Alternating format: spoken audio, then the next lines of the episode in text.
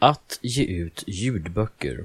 Denna panel spelades in på Svekon 2018 Fantastica i Stockholm. Och de medverkande är Eva Holmqvist, Oskar Källner, Eva Broberg och moderator är Hans Persson. Svekon-poddar. Poddradio från svenska science fiction och fantasykongresser.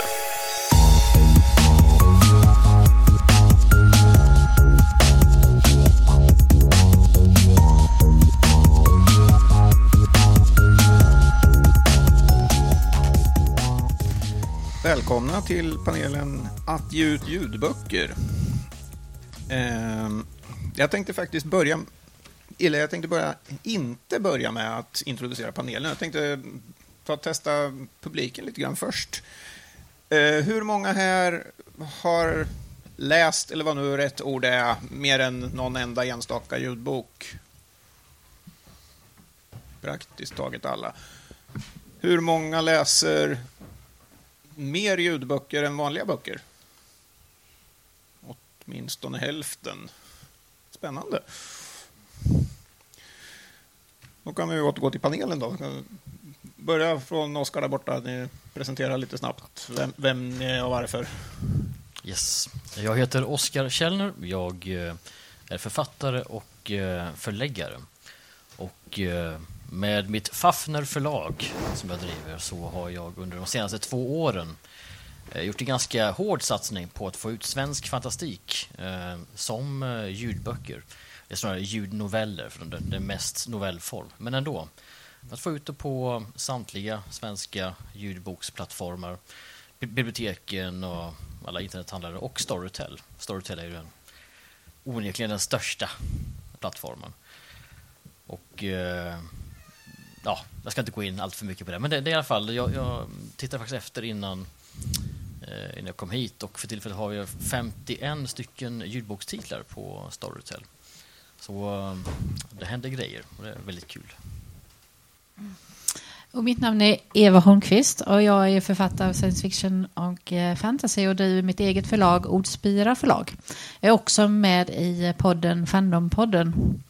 och eh, jag har väl en novell utgiven som eh, ljudnovell och den är utgiven på Fafner förlag. För det är en novell jag skrev tillsammans med Oskar som heter Att dö väl. Men jag har under ett antal år försökt hitta vägar att ge ut mina böcker som ljudböcker. För jag har rätt många som frågar efter dem som ljudböcker. Och än så länge har jag inte lyckats. Men jag har under den perioden utforskat olika vägar att gå. Så det är väl lite gärna det jag kan bidra med. Ja, och jag heter Eva Broberg och jag driver Marva förlag. Jag är författare också. Eh, jag har inte gett ut någon ljudbok än, men jag är mitt uppe i processen. Så jag håller på att spela in min första roman Friskyttarna. Eh, och det har varit en ganska snårig väg att, komma fram till hur man gör helt enkelt. Så det är väl där jag kan bidra. Ja, jag heter Hans Persson och är vare sig författare eller förläggare, men eh, till och från konsument av ljudböcker och för den delen poddar i, med, med och utan fiktion. Så att, står på andra sidan av det hela här. Um, ja, kan väl börja med lite öppet sådär. Vad är är, vad är det speciellt med ljudböcker jämfört med pappersböcker? Vad är grejen? Alltså för mig personligen, eh, som lyssnare på ljudböcker, så är det ju det att jag faktiskt kan lyssna på en ljudbok samtidigt som jag viker tvätten eller klipper gräset eller åker och hämtar barnen eller vad det nu är för någonting. Alltså, eh, hela introduktionen av ljudboksparadigmet som skett de senaste åren med smidig streaming och sådär eh, har ju helt eh, revolutionerat mitt läsande. Eh, för med allt som är i livet som småbarnsförälder så hinner man inte ligga ner i sängen och läsa så mycket pappersbok faktiskt. Och att då kunna klämma lite ljudböcker eh, när man ändå håller på. Eh, alltså det har eh, säkert tredubblat antalet böcker jag får läsa på ett år. Mm. Jag håller med, men jag tycker också att det finns en annan aspekt och det är att eh, du får genom rösten en annan närhet i berättelsen. Det är lite samma sak som när eh, du som barn blev läst för. Att eh, det gav en extra dimension just det där att ha den där rösten som ger en annan närhet. Eh, och det ger också en intressant eh, effekt när det är författaren som eh, eh, läser berättelsen för det känns som att du kommer närmare författaren. Bland annat har jag lyssnat på ganska många av Scott Siglis ljudböcker. Och ja, du känner dig närmare författaren helt enkelt. Jag tänker att det, det blir en annan tillgänglighet för alla. För det, alla klarar inte av att läsa en stor, tung roman. Det, det kan vara dyslektiker eller av andra skäl att man inte klarar att hålla en stor, tung bok. Eh, men att då kunna lyssna gör att det blir tillgängligt för alla. Eller åtminstone en annan uppsättning. Det är ju inte alla som kan lyssna heller. Nej, nej, nej, nej. Så är det ju. Det är sant. Men det ökar tillgängligheten mm. i alla fall. Mm. Ja, för synskadade så är det ju en väldig, en väldig fördel att kunna lyssna på en ljudbok istället. Sen så har ju e-böcker också revolutionerat det för synskadade genom att man kan förstora texten mycket enklare.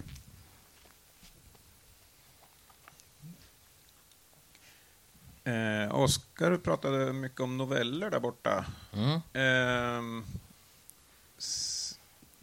Kom det en fråga på det?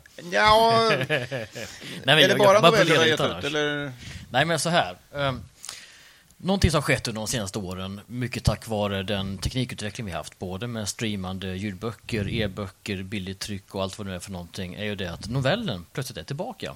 För det var under ganska många år då novellen sågs som en utrangerad, ett, ett, ett utrangerat format som inte längre fungerade på bokmarknaden. Men nu om man går upp och kollar i bokhandeln här uppe så kryllar det av novellsamlingar och antologier. Och dessutom eh, på nätet via eh, Storytel eller dylikt så eh, hittar du ofta både som e-bok och som ljudbok noveller. Och för mig då som, som förläggare tycker jag att novellen är ett perfekt format.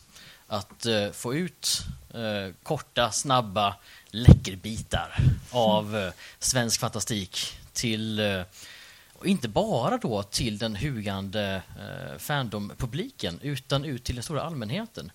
Eh, därför att vi har ju haft ett problem under många, många, många år, eh, vi som älskar eh, sci-fi och fantasy att det helt enkelt inte finns så mycket på svenska. Man går nästan över omedelbart till den engelska marknaden om man vill ha den stora marknaden.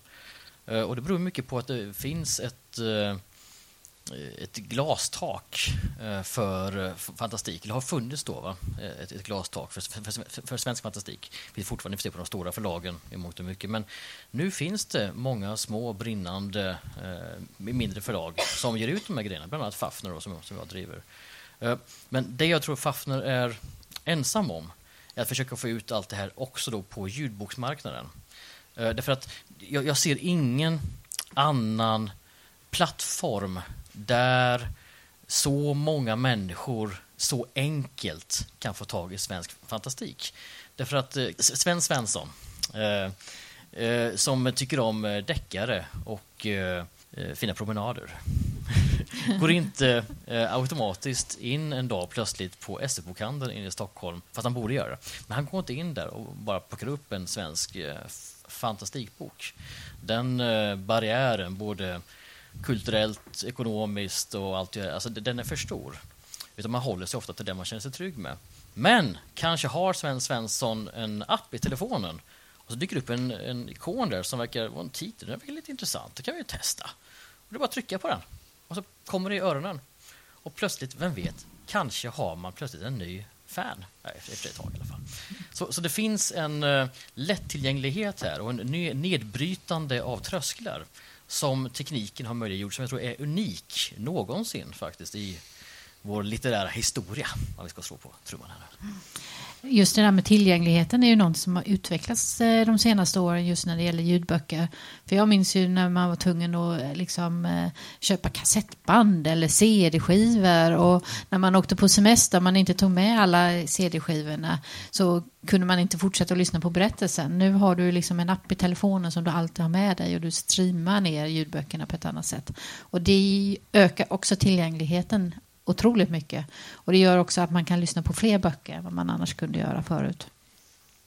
Och man kan lyssna på dubbel hastighet som jag gör, för då hinner man många. Förlorar du inte liksom känslan då? Det beror på vad det är för bok. Du kör dubbelt alltså? Det är, jag, jag, jag, jag kör på ett och ett halvt. Dubbelt vet jag inte om jag... Jag är hardcore. ja, verkligen. Det, då kommer man ju egentligen snarare tillbaka till normal läshastighet snarare än att gå fortare. För det är ju... Att läsa en ljudbok går ju långsammare än att läsa en textbok, Mm. tycker jag. Åtminstone för mig. Det är ju naturligtvis personligt. Men Eh, sen hänger det ju på vilken läshastighet du har. Och som för mig som är snabbläsare så är det ju så att ljudböcker tar mycket längre tid än en vanlig bok för mig att läsa. Men eh, en del läser ju ganska mycket långsammare och då kan det faktiskt vara tvärtom.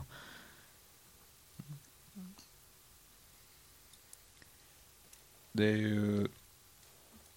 Vad ska jag säga? Läshastigheten förflyttas ju då från mig som läsare. Jag kan påverka hur fort jag läser en pappersbok. Mm. Det här är språkligt intressant, nu tar jag det lite långsamt, medan nu vill jag veta vad som händer, då går det fort som sjutton. I en ljudbok så måste jag vänta på att det här var tydligen ett läsa långsamt avsnitt. Så att då, då sitter jag fast i någon Ja. annans uppfattning av hur texten ska gå. Tycker jag, det, det kan vara både en för och en nackdel egentligen. Det där tycker jag är lite svårt eh, nu när jag läser in min bok själv. Att jag, vissa stycken tycker jag kanske behöver lite snabbare tempo. Men jag måste ändå försöka hålla samma hastighet genom hela boken när jag läser. Men må, måste du det? Det Alltså, kanske, kanske var jag alltså, som alltså, tänkte det är väl, det är väl alltså, om du, om du har om, du- om, du- om känslan säger det så ska du köra lite snabbare just de här. Jo, fast det att måste, måste, man måste ändå få tydligheten. Och det, Ja, tydligheten är det viktig. tyckte jag var det, det svåra i början. Att, ja, Ja. att det är så lätt att man läser lite snabbt och kanske inte läser ut orden fullt och sådär. Så, Mm. så det har jag fått tänka mycket på när jag läser. Alltså det där med tydligheten, det påverkar ju en del eh, mitt redaktionsarbete med de noveller då som, som jag har gett ut. För det, eh, ibland så, en text som funkar som text på papper funkar inte alltid lika bra som ljudbok. Det finns tillfällen, menar, av den enkla orsaken att de som lyssnar inte alltid är 100% eh, närvarande. Kanske när man står och viker sitt tvättberg så kommer man till den där klänningen som alltid viker sig ut och in och så får man trixa och trockla med den där och så är man inte riktigt, riktigt hundra med på vad det var som hände i, i ljudboken.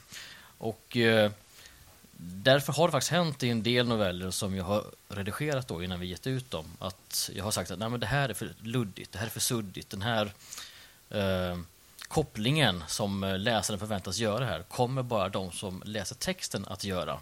De som lyssnar kommer missa den, för de kommer inte eh, hänga med antagligen. Sådana saker kan man ibland behöva göra små justeringar i texten med för att få med.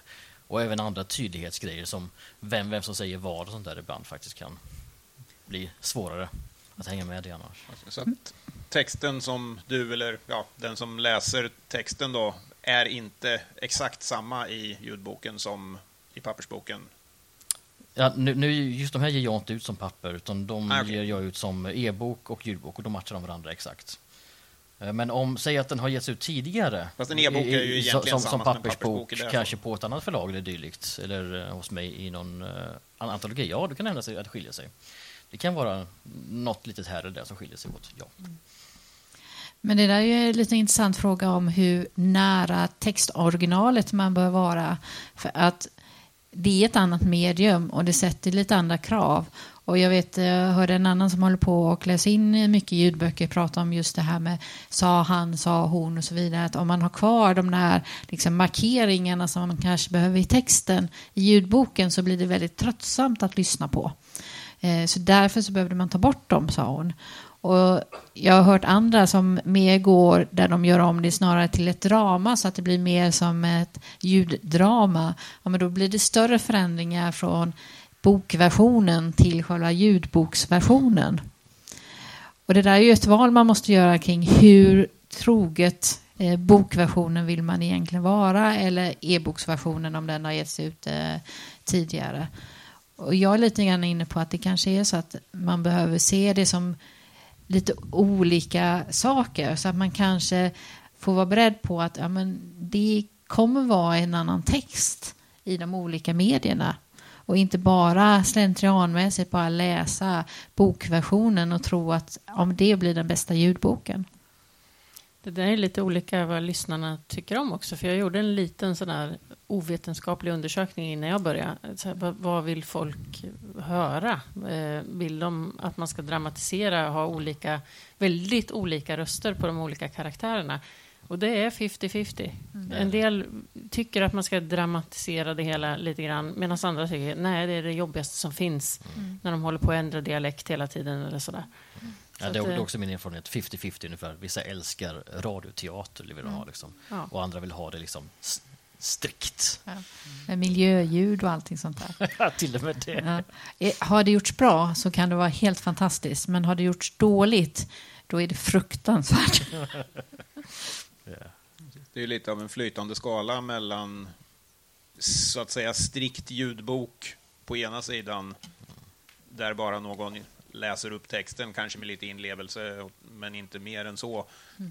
Via röster, dialekter, lite bakgrundsljud och till slut sitter du med teater där du har flera personer som läser olika röster och så vidare.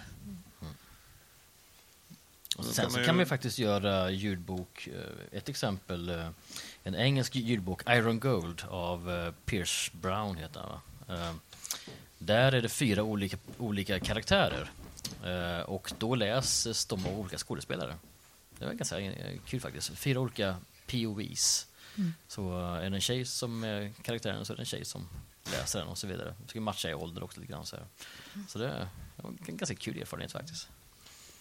Är det fortfarande ljudböcker om det är dramatiserat på det sättet, tycker du? Fast de dramatiserade inte, de läste. Nej, okej, men om, om vi säger att du gör en inläsning där olika personer läser dialogen och sådana grejer. Alltså det är ju oh, det är en flytande definitionsfråga det här så- som du är inne på en skala. Alltså det finns ju ett företag i i USA som heter Graphic Audio som eh, jag har lyssnat en hel del på deras grejer och eh, jag gillar dem. De eh, gör just det här radioteatergrejen av eh, böcker. De har en massa Brandon, Brandon Sanderson och eh,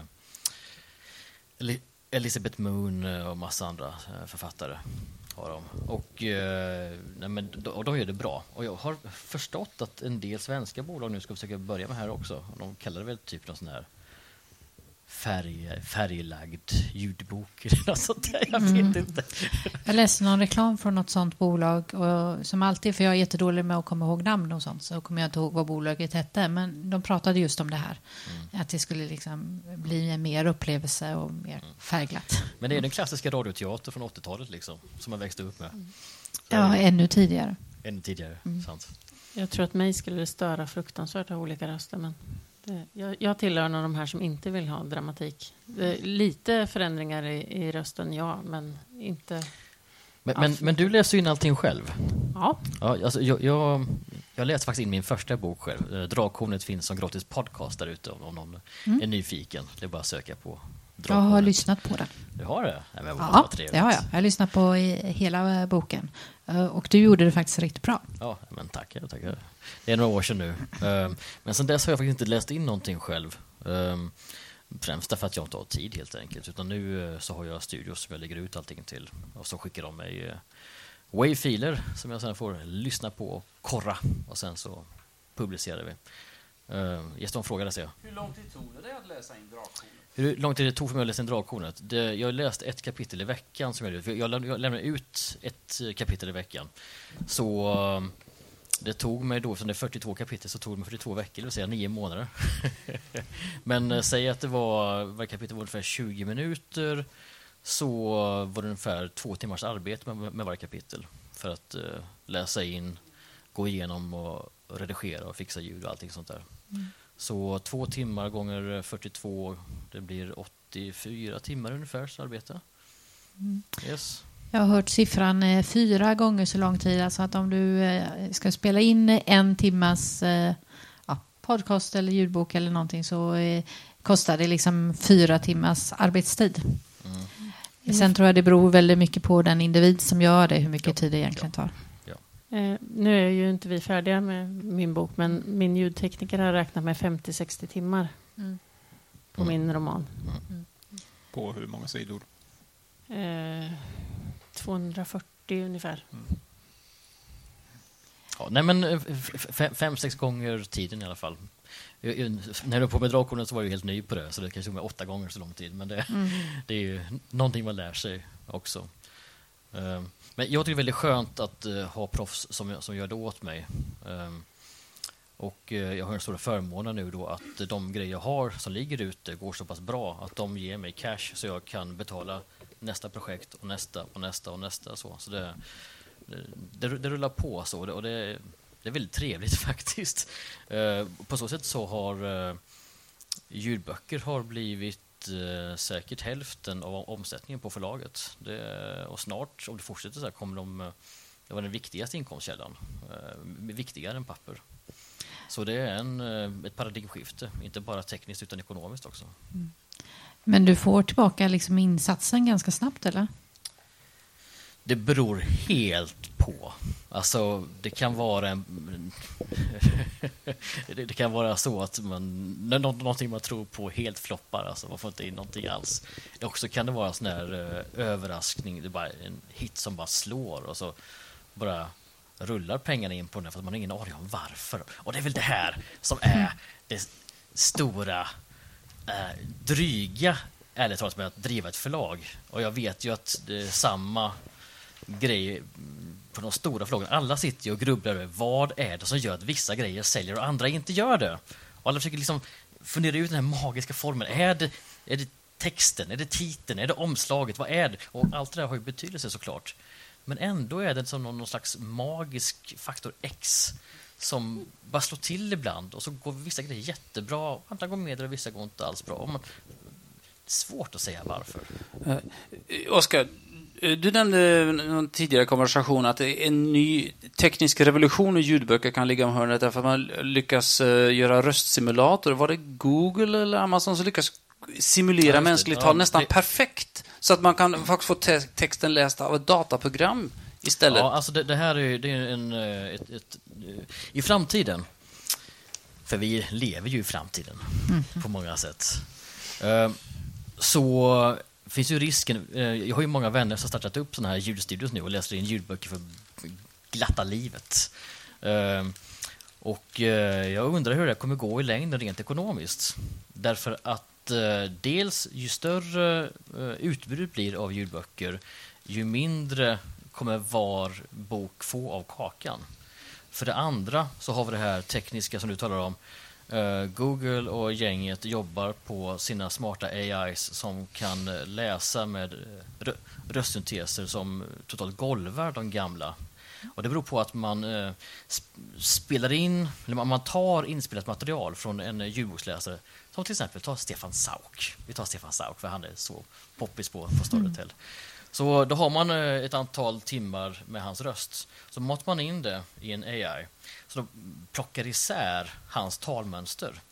Och sen då kan man bara skriva en text och så sätter datorn ihop igen eh, eh, hans röst med hans ta- talmönster. Så kan man få Stefan Sauk att säga precis vad som helst.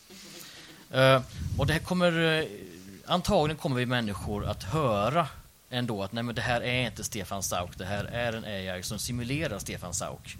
Men jag tror att de här nya AI-styrda röstsimulatorerna eh, kommer vara good enough.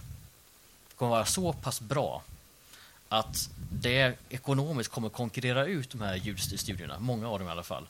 Därför att det kostar inte ett öre att applicera det. Du kan ta din ljudbok, tanka upp den och sen är det klart. För sen då så eh, kan eh, mjukvaran på Storytel eller, var, eller den plattform som du är på simulera den här texten till ljudbok och inte bara det, inte bara Stefan Sauk. Du kan välja själv vilken röst du vill ha. Det finns säkert 50-100 röster. Din, din val för din favorituppläsare kan du få att läsa upp din favoritbok valfritt. Då, och då blir det en valfrihet där också, som inte går att få om det är en stackare som sitter och läser i en mick någonstans. Det är fortfarande några, några år in i framtiden, men det är på väg. De har faktiskt gjort ett eh, försök och det här är korta teststycken. Eh, men de har alltså spelat in och simulerat ett antal röster så att du eh, kan eh, du får lyssna då på samma textstycke, dels läst av en riktig människa och dels läst av de här simulatorerna. Och det här är forskningssimulatorerna så det är inte de som vi har tillgång till i nuläget. Men de är så bra så att de försökspersoner som har lyssnat på de här har inte kunnat avgöra vilka som är människor och vilka som är simulerade. Och då kan vi ju tillägga att det här är jättekorta textstycken. Det kommer vara mycket svårare att eh, få det tillräckligt bra när det gäller en hel bok. Men det är ändå väldigt intressant att man har kommit så pass långt att man inte kan höra skillnaden på ett kort textstycke. när, du, när du väl kommer dit, då har du ju dessutom möjligheten, det här som vi sa nyss. Vi- Vill du ha dramatisering med flera olika röster eller vill du ha en som läser samma? Ja, välj! Ja. Och jag misstänker att eh, i framtida e-böcker, i alla fall de som man tankar upp då som ska bli ljudböcker, så kan man säkert då som eh, förläggare lägga in små kodsekvenser eh, i texten som säger att här ska det vara aggressiv röst, här ska det vara lugnt och snällt och så vidare. Så att eh, AIn vet när den ska skifta röstläget uppåt och nedåt. Så väntar du 20 år till så kommer den att fatta det alldeles av sig genom att själv. läsa ja. boken. Så är det. Precis. Men en sak som, eh, om vi nu tänker på dagens teknologi, någonting som verkligen är avgörande om en ljudbok blir bra eller inte, det är ju just uppläsaren. Ja. En dålig uppläsare kan ju förstöra en riktigt bra bok. Och faktiskt tvärtom, en riktigt bra uppläsare kan få en medioker bok att bli fantastisk. Därför går man in och kollar på kommentarer eh, på Storytel eller dylikt så eh, 90% av de negativa kommentarerna brukar alltid vara Åh, värdelös uppläsare, orkar bara 10 minuter. Typ. Sådär, det är så här, dyker upp hela tiden. Medan andra älskar samma uppläsare. så att det, Det är det är likadant där, att det är en smaksak. Helt Mm. enkelt. Men, men jag tror faktiskt att det finns vissa röster som ger mindre negativa kommentarer än andra. Det finns vissa som jag tror matchar ett större antal personer än andra. Nej, inte min.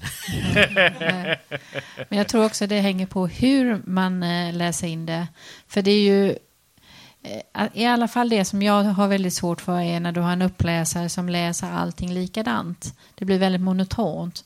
Eh, om jag läser en text eh, normalt sett så betonar jag olika saker. Eh, jag varierar hastigheten, jag varierar tonläge och så vidare baserat på vad som händer i boken. Medan vissa uppläsare, där är det liksom som bara en grå matta. Och då klarar jag inte av att lyssna för att jag, eh, jag tappar fokus helt enkelt. Det där är en av fördelarna med en författarinläsning. Därför att författaren vet ju själv hur man har tänkt sig. Eh, om man ska vara arg eller ledsen eller förbannad. Eh, sen är det svårt att förmedla det här. Jag, när jag läser in min bok så sitter jag i en liten isolerad kub. Typ där ingen ser mig. Jag sitter till och med i mörker för att lamporna störde. Så vi, det, det är mörkt. Jag har bara min iPad som lyser upp. Eh, och då kan jag ju agera lite själv. Alltså med, med kroppen. Så kan man förstärka känslorna när man läser. Hur är det när man läser in själv? Hur är det med liksom bli rösten trött eller hur länge orkar man egentligen hålla på?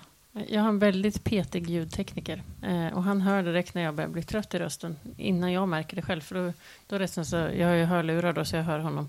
Så resten så här, jag satte på lite tevatten nu, säger han.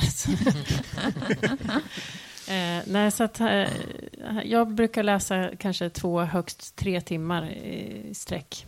Mm. Sen tycker han att det räcker för dagen. Mm. Ja, för det har jag funderat mycket på i och med att jag har försökt att komma på sätt att ge ut ljudböcker själv så funderade jag ett tag på om jag skulle läsa in själv. Eh, Det är bara det att när jag själv lyssnar på ljudböcker så är jag väldigt petig. Eh, vilket innebär att jag reagerar på hur uppläsaren låter, jag reagerar på om det är massor med ljud runt omkring och allt sånt där. Och jag insåg att jag kan inte på egen hand spela in någonting som är tillräckligt bra för att jag själv ska kunna orka lyssna på det och då kanske ingen annan vill lyssna på det heller. Eh, utan det krävs antagligen en studio och eh, jag skulle tro faktiskt en professionell uppläsare också. Eh, även om jag inte har testat själv. Eh, för att jag ska bli tillräckligt nöjd med det. Eh, så då har jag försökt massor med andra alternativ. Och eh, Amazon har en möjlighet där du egentligen kan para ihop dig med en uppläsare.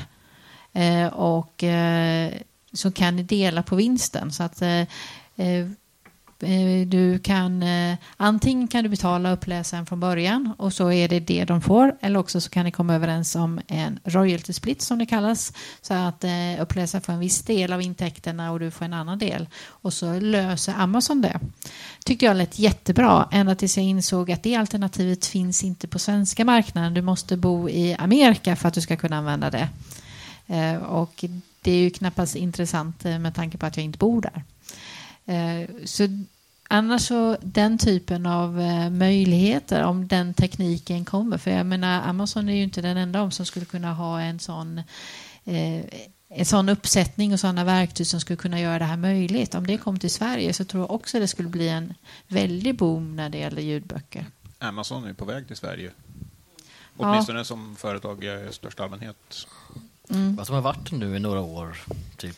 Ja, de verkar inte anlända. Jag vet inte riktigt om de bryr sig om lilla Sverige, ärligt talat. Det kanske är för liten marknad för dem. Ja, frågan är egentligen om vi är så intressanta. Så vi får Nej, se. det- Det återstår att se.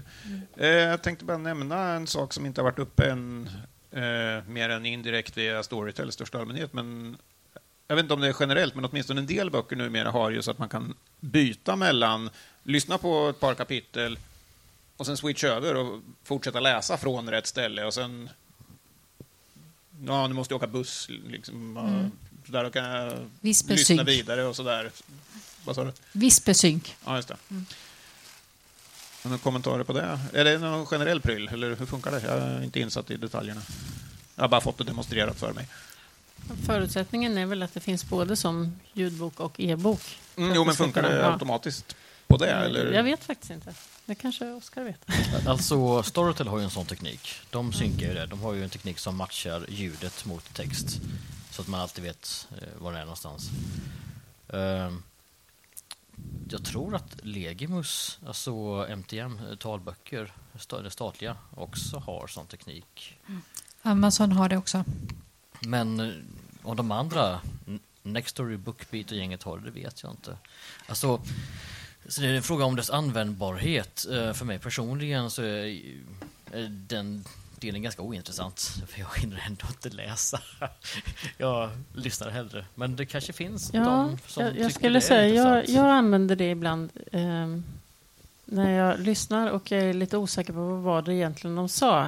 Uppfattade jag det här rätt? Då kan jag liksom backa i texten det, och, det har och hänt att jag titta. stannat och kollat stavningen på namn. Ja, precis. Lite, faktiskt. ja, dels sånt och sen just det här för att ja, man kanske behöver fundera igenom den här formuleringen. Liksom, vad sa de egentligen? Jag använder den inte för ljudböcker, men jag använder den när det gäller e-böcker för att eh, jag läser oftast från en e-boksläsare. Och eh, ibland så har jag då inte tillgång till den och då händer det att jag vill fortsätta att läsa samma bok på, på telefonen istället för jag är så nyfiken på vad som händer och just då har jag bara telefonen tillgänglig. Eh, och då är det väldigt användbart just det där att du liksom, den håller reda på var du är någonstans. Så jag tror att eh, jag antagligen skulle kunna använda en sån just av det syftet att i vissa lägen så är det inte ljudbok som är lämpligt att lyssna på och då kanske jag hellre vill läsa och tvärtom. Eh, för för mig så beror det lite grann på humöret om jag gillar att lyssna på ljudböcker eller om jag hellre vill läsa. Just den funktionen, switcha mellan e-bokläsare, i mitt fall iPad, och telefon, det använder jag ju dagligen. Men jag har inte testat att även byta till ljud, vilket skulle passa mitt normala beteende väldigt bra. För då skulle jag kunna lyssna på samma bok även när jag cyklar till och från jobbet, till exempel, istället för någonting helt annat då. Då skulle jag andra sidan aldrig få några poddar att lyssna på. Nej, men Storytel har ju det, för där kan du bara trycka om du vill fortsätta läsa istället för att lyssna. Mm att läsa in fantastikljudböcker bjuder inte på lite speciella utmaningar? Till exempel måste ni ge uppläsare speciella instruktioner. Så här ska ni läsa in det här alviska namnet så att det inte låter helt konstigt, till exempel. Det, det, det är jätteaktuellt just nu hos mig på Fafner därför att eh, jag har den stora glädjen att få återutge eh, Carolina Bederstedt Mikkos eh, fantasy-trilogi. Mantor, Larona och eh, Dorei. Och Mantor läses just nu in i studion. Och eh, då så har eh, Simon som läser in faktiskt pratat med eh, Carolina om det. Om hur man uttalar olika namn på karaktärer och städer och allting sånt där. Så de har haft en telefonkonversation om precis just de här sakerna. Så det är väldigt kul att få sammanföra dem just då, för det är en extra utmaning. Och även när det kommer, eh, om vi går in på SF då, eh, när det kommer till teknisk jargong eller technobabbel, så kan det också vara en utmaning för eh, inläsaren. Nu har de inläsare jag använt faktiskt varit väldigt, varit väldigt duktiga på technobabbel. Ibland så får jag korrigera små saker och uttal på vissa grejer, men det, det brukar gå bra för det mesta. Du har ju, jag vet inte om du har gett ut dem som e-böcker, men du har ju publicerat massa Lovecraft. Det är ju en spännande utmaning för den som ska läsa ut. Lovecraft är en spännande utmaning oavsett, på alla sätt. jo, nej, men, och det har de också gjort väldigt bra. Uh, sen så gav vi ut en uh, ljudbok uh, som heter uh, Rättvis sönderdelning av Besten Skorm. Och där eh, körde Simon helt, alltså, det, det är en helt wacko historia om en enorm best, den största besten skorp som går och dör. Och sen kommer vättarna och ska sönderdela det här enorma liket rättvist till alla halvgudar och allt sånt där som kommer och vill ha sin, sin del. Och eh, Simon gick loss på det och gjorde värsta, och det här är, det är, radio, det är radioteater det här, men det är så fantastiskt kul radioteater med alla dialekter och alltihopa, så han riktigt nitar det. Så kolla upp Skorm, så får ni en rolig stund. Jag tänkte fråga det här när det gäller, nu är det väl eh, du Oskar som mest har haft uppläsare åt dig, men tänker du mycket på eh, kvinnliga och manliga uppläsare till vilka böcker? Om det är en huvudroll i boken är manlig till exempel, är det viktigt att det är en manlig läsare då tycker du, eller är det, går det vilket som? Eller och motsatsen om det är en jag, jag tänkte lite så i början, men jag har faktiskt övergett det helt och hållet. Även... Jag, jag har insett att en duktig uppläsare är en duktig uppläsare oavsett vem det är den ska rep rep representera. Även om eh, det är skrivet i första person? Även om det är skrivet i första person och även om eh, det är en, eh, en yngre man som läser en gammal kvinna. Ja.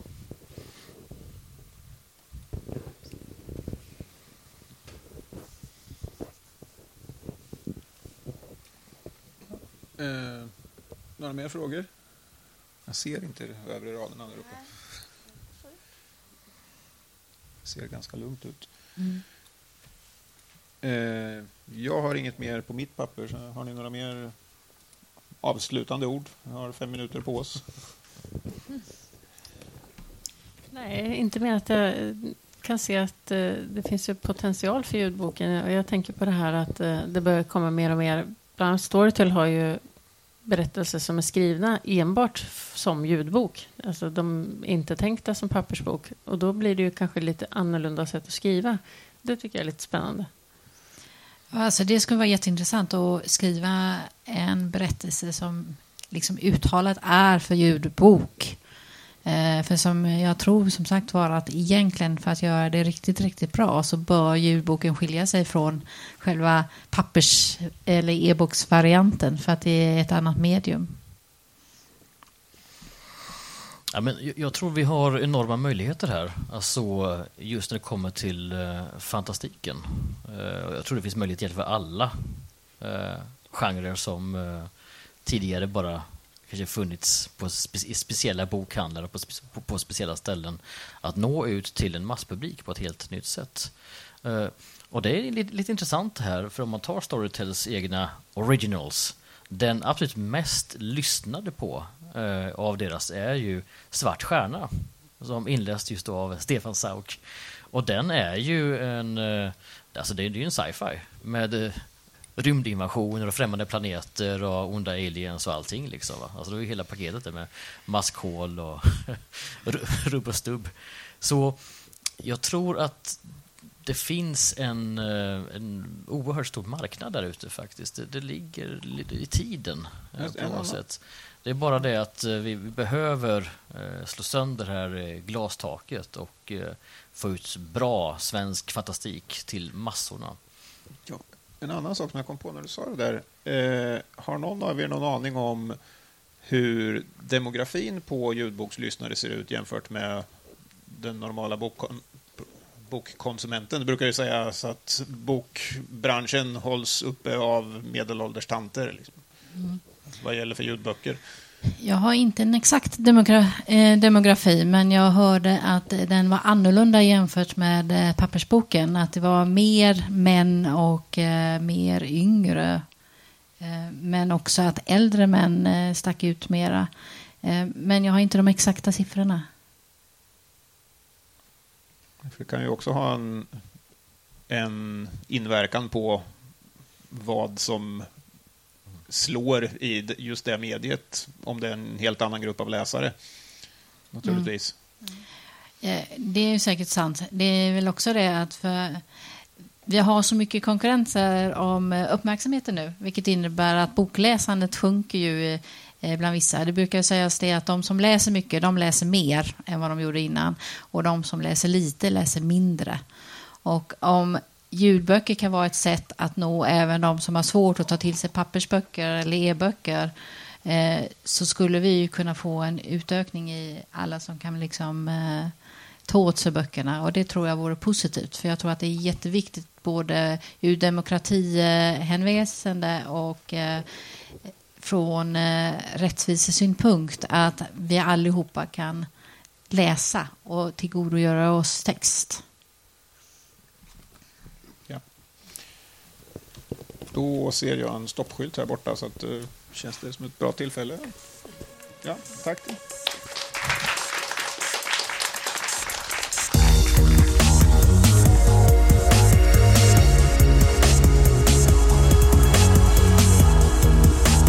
Musiken av Psychedelic Pedestrian från Free Music Archive.